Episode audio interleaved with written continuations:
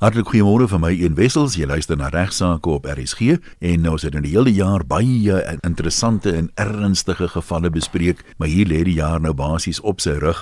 Baie mense hou vakansie, ons het dalk mense wat vandag luister Igna wat nie gewoonlik luister nie. So um, gaan ons uh, die inhoud 'n bietjie aanpas. Wat is jou planne? Ja, Ian, goeiemôre luisteraars. Ons het gedink om Die jaar was so makaber 2018 moordkapings, staatskapings, alles oor kapings wat jy kon kry en nou nog soveel moorde en allerlei dinge wat ja, ons nou, uh, nou gaan mense Kaap toe vlieg. Bietjie swaarmoedig gestem met ja.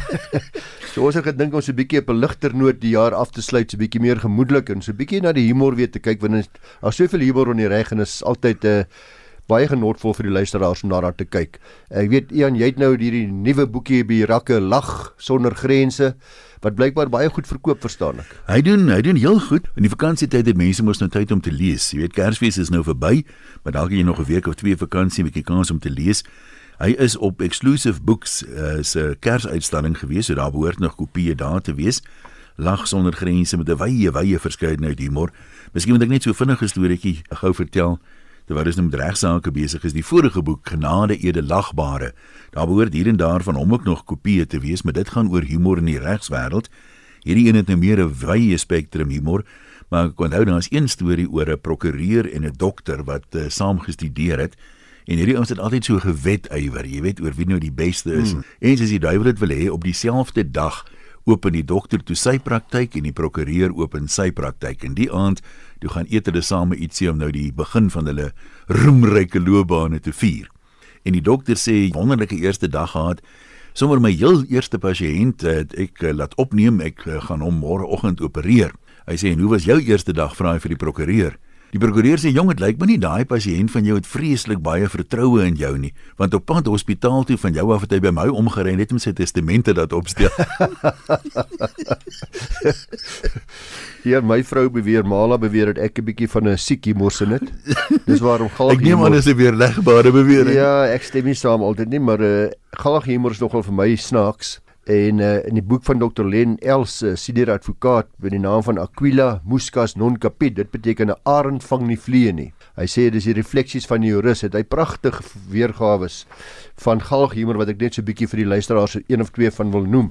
Uh, hy sê benoude katte maak benoude spronge en hy gee so 'n paar laaste woorde van ter dood veroordeeldes. En hy sê al hierdie goed is ware verhale ja. wat beweer word. Charlie Pease in Brittanje het aan die kapelaan op pad gaak toe gesê: "What is the gallows but a shortcut to heaven?" So dis nogal ou wat positief daarna gekyk het. Dan sê Gerald Chapman daar in Connecticut het aan die laksman gesê: "Death isn't itself dreadful but hanging seems an awkward way of entering the adventure. so nou wie daar daar is 'n gesegde, ek weet nie of een of ander filosoof was wat dit gesê het nie, maar dit is eintlik baie waar. Want jy almal wil hemel toe gaan, maar niemand wil doodgaan nie. Ja. ja. en dan die ou wat bietjie hastig was, 'n skaal Panzram, ek het hom al voorheen ook gehoor, is 'n Texas reeksmoordenaar, 'n bekende reeksmoordenaar. Hy het in die laksman gesê, "Hurry it up you lazy bastard. I could hang a dozen men while you're fooling around."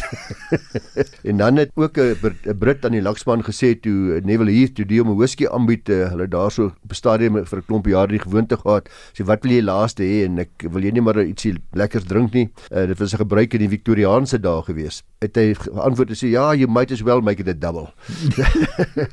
en dan het Black Jack van Australië toe die laksman hom vra hy enige laaste woorde het sê man I came here to die not to make a speech en Dr William Palmer van Matanya toe hulle die Tomes en Nexter het hy gesê gentlemen are you sure this thing is safe dit is ook nogal snaaks en dan uh, Michael Sclafoni Amerikaanse maffia don ook 'n bekende maffia lid gewees terwyl hy sy vinger so oor die elektriese stoel trek het hy gesê dust they at least could give a man about to die a clean chair.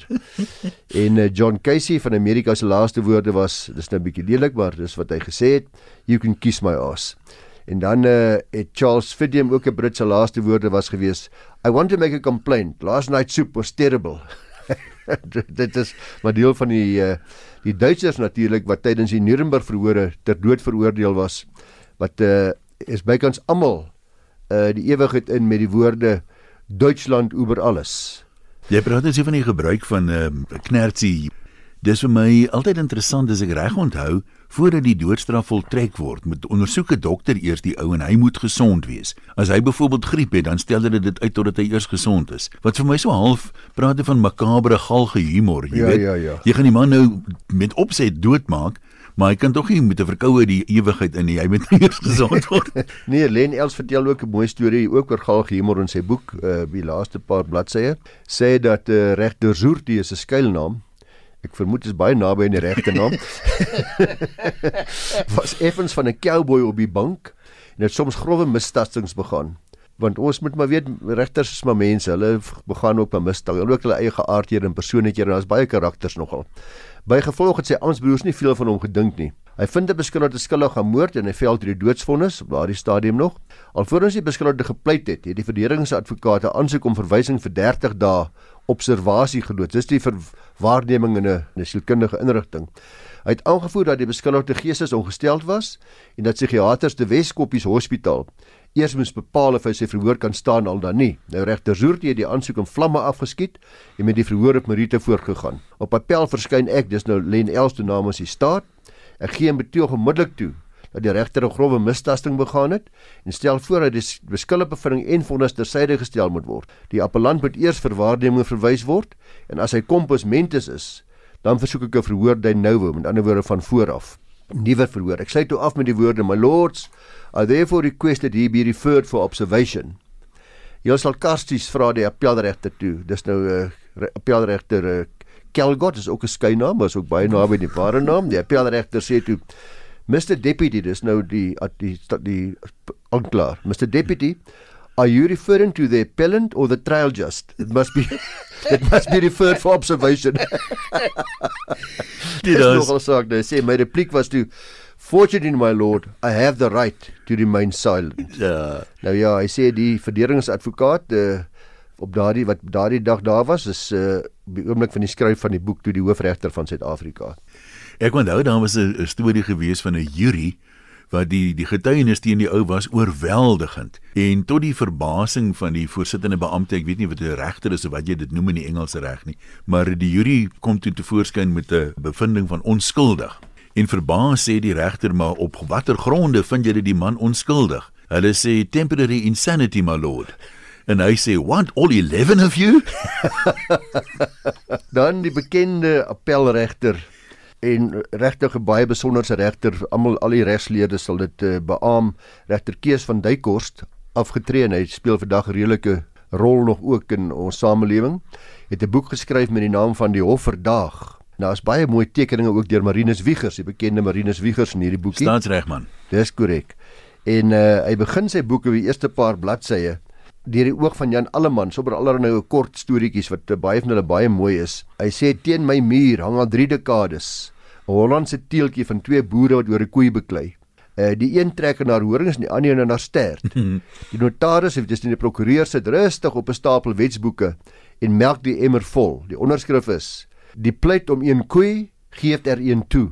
Dieselfde siening vind 'n mens by C. Langehoven sê, prosedeer oor 'n baadjie en hou jou broek klaar vir die kostes.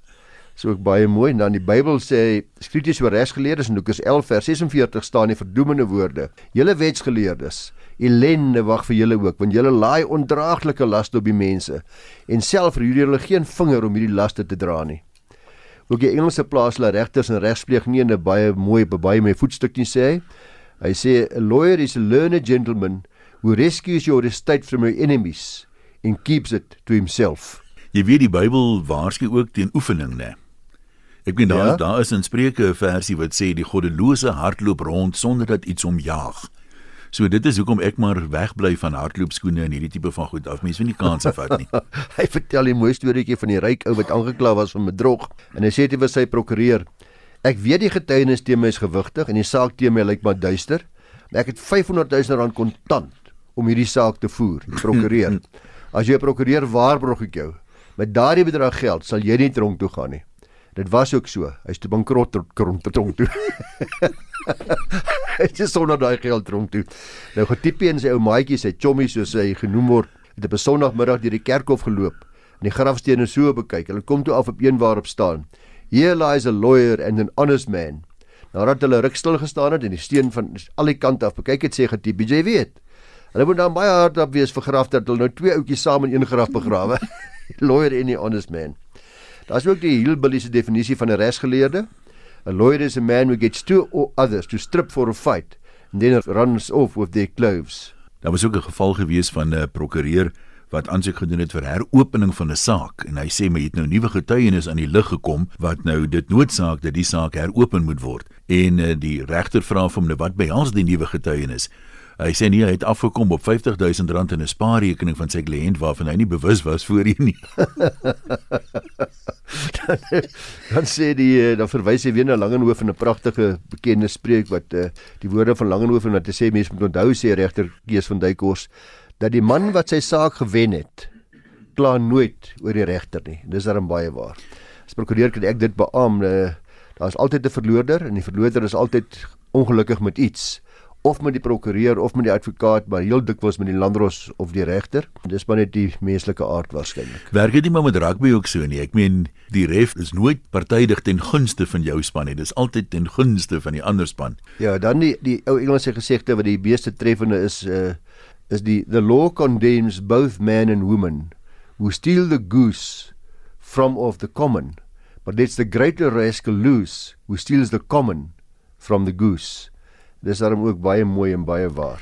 Jy praat net so van die die verloorder wil wil weet hoekom hy verloor het. Daar was ook 'n saak gewees, ek kan nie nou die naam onthou nie, maar jare gelede en toe begin die regter sy uitspraak. Die een party was Afrikaans sprekend en die een party was Engels sprekend. En die regter begin sy uitspraak en hy sê dis belangriker dat die verloorder moet weet hoekom hy verloor het as dat dit nou vir die wenner is om te weet hoekom hy gewen het.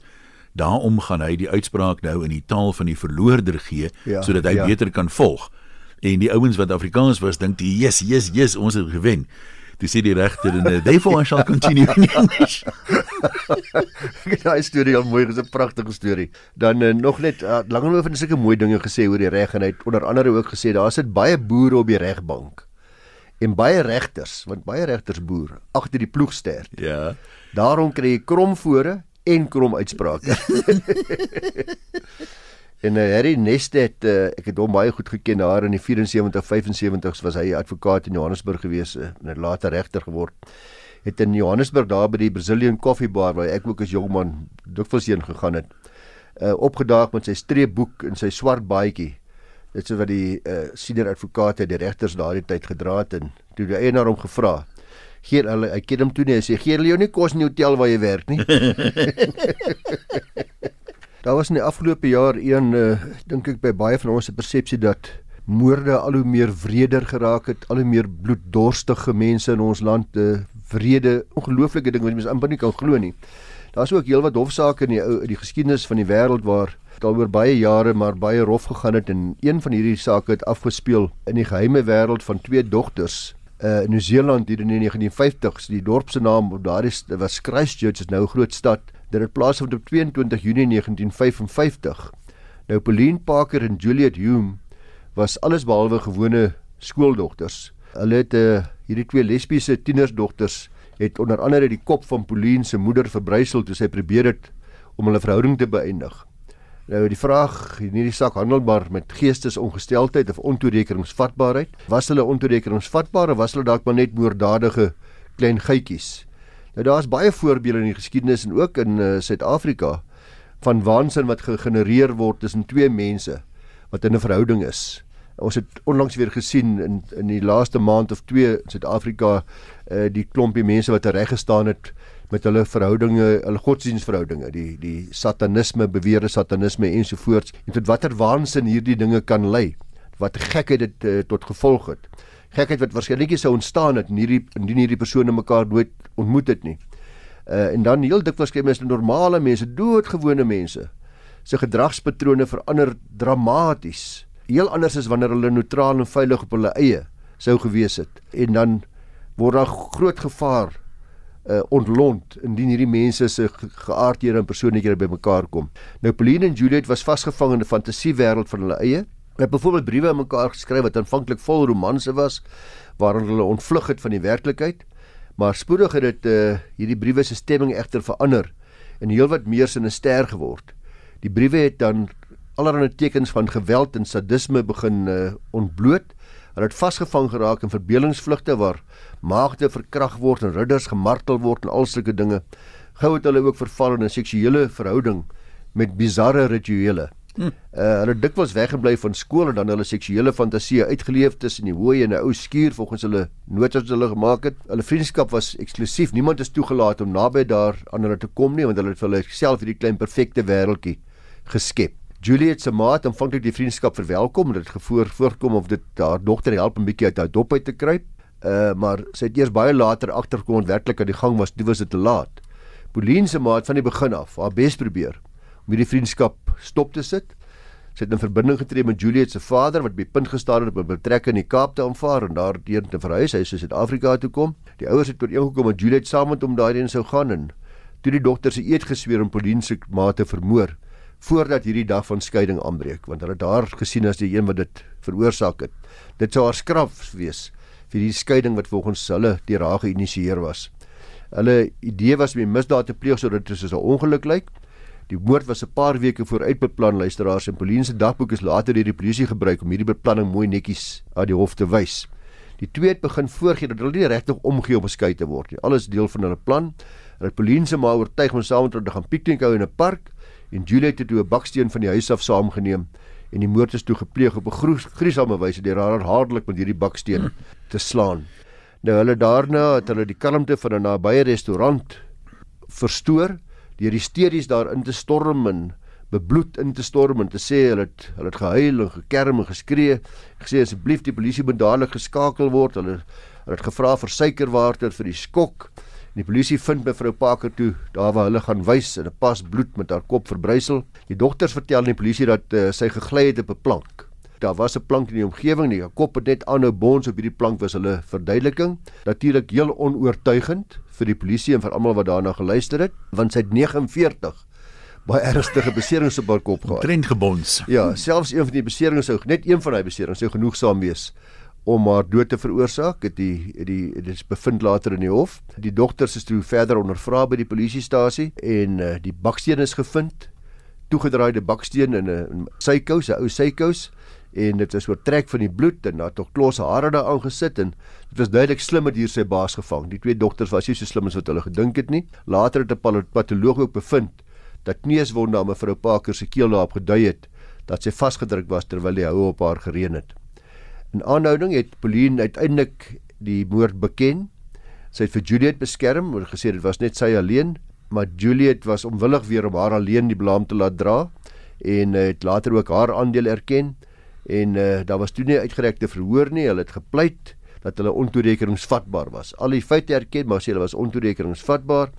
Die vervolging was uit die aard van die saak nie bereid om hierdie pleit te aanvaar nie. Daar was duidelike aanduidinge selfs terwyl hulle in aanhouding was hulle nog baie goed geweet het uh, wat hulle hmm. gedoen het en uh, geen berou getoon het nie en uiteindelik het die staatsaanklaer noodgedwonge gedeel van hulle verlede en ook da, al hierdie hele patroon van die ongesonde vriendskap getoon, hulle beplanning ensovoorts en uh, die onnatuurlike liefdesverhouding en gewys daarop dat dit twee honende arrogante feekse was wat totaal geleef het in 'n fantasiewêreld en uh, dat dit behoorlik beplan was uh, een van die inskrywings in Pauline se dagboek wat instrumenteel was daartoe om te bewys dat hulle wel toerekeningsvatbaarheid uh, nie kan vryspring nie.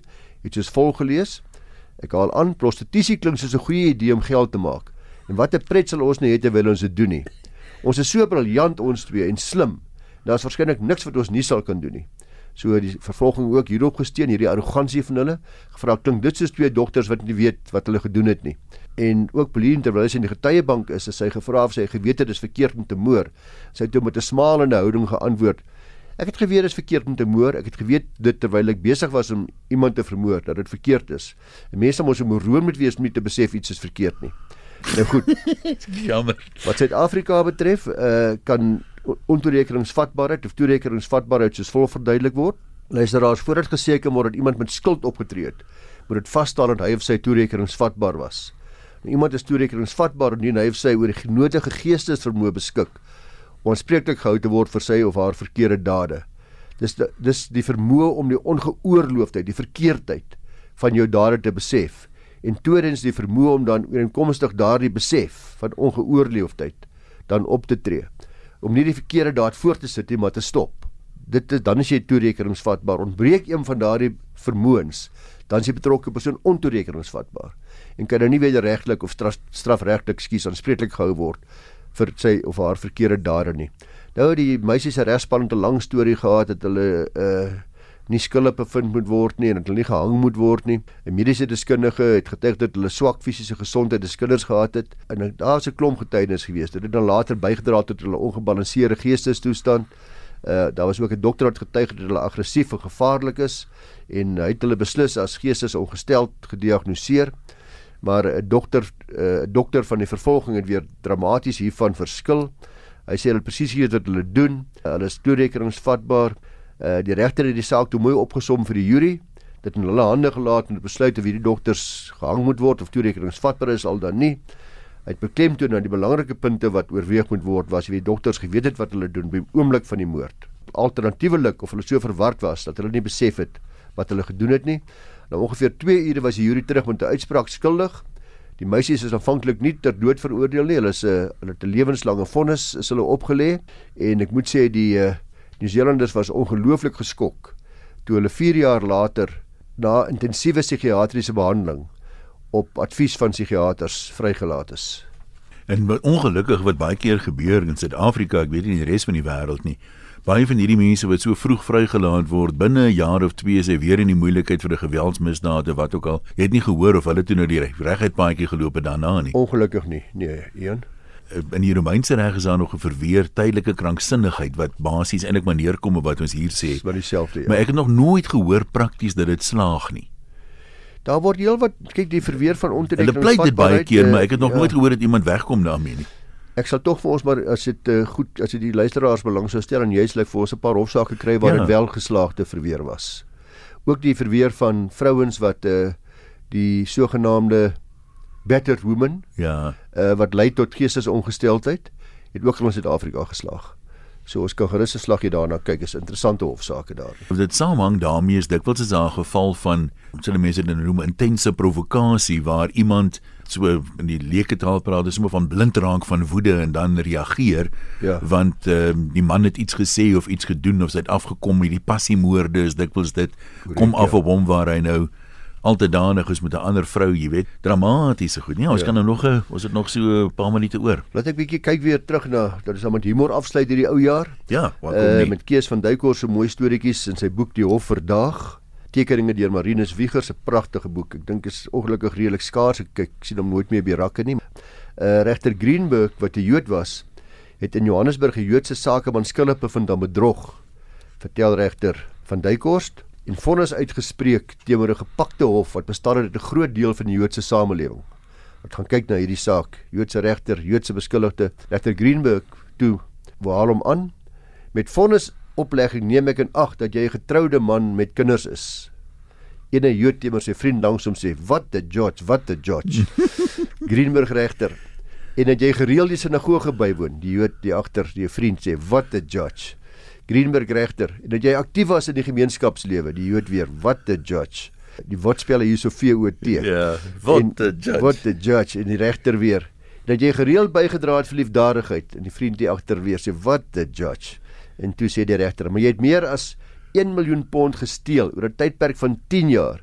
En daarom vonnis jy jou tot 15 jaar gevangenisstraf. Die hier agter. What 'n poker player. ja, dis nou 'n trend, 'n trend poker face. Dan vertel hy dat ou bokke kan hulle deeglik vasknoop met jong blare. Ja. Ou bok hou van jong blare. 'n Ryk sakeman van Naboom Spruit wat 'n omset gehad het van ongeveer 20 miljoen rand per jaar, het 'n skelmpie aangehou in Pretoria. Het 'n meentuis in Constantia Park gekoop en die dame daarin geïnstalleer. Ek het mooi met woorde speel regter van Duykors. Hy het haar 12000 rand per maand gegee wat daardie tyd baie was om die heffings en verbandspaaiemente daarop te betaal en dan verder daarvan te leef. Hy het sy domisilium sy tannie opgegee by die meentuis. Uh sy het die geld uitgeleef, die heffings nie betaal nie en ook nie die verband nie.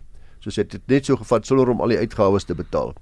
Gevolglik het die bank toe vonnis geneem en na behoorlike betekening op die domisilium sy tannie, dis nou die plek waar hy aangegee het is op by die meentuis waar sy bly, so hy weet nie daarvan nie. Die eerste wat die sakeman te hoor van hierdie geval is 'n lasbrief wat op hom beteken word en ongeveer gelyktydig daarmee is sy krediet gestop as gevolg van die vonnis wat toe teen hom geneem was in sy afwesigheid omdat dit op die die meentuis waar die Ja. skelmpie is beteken was.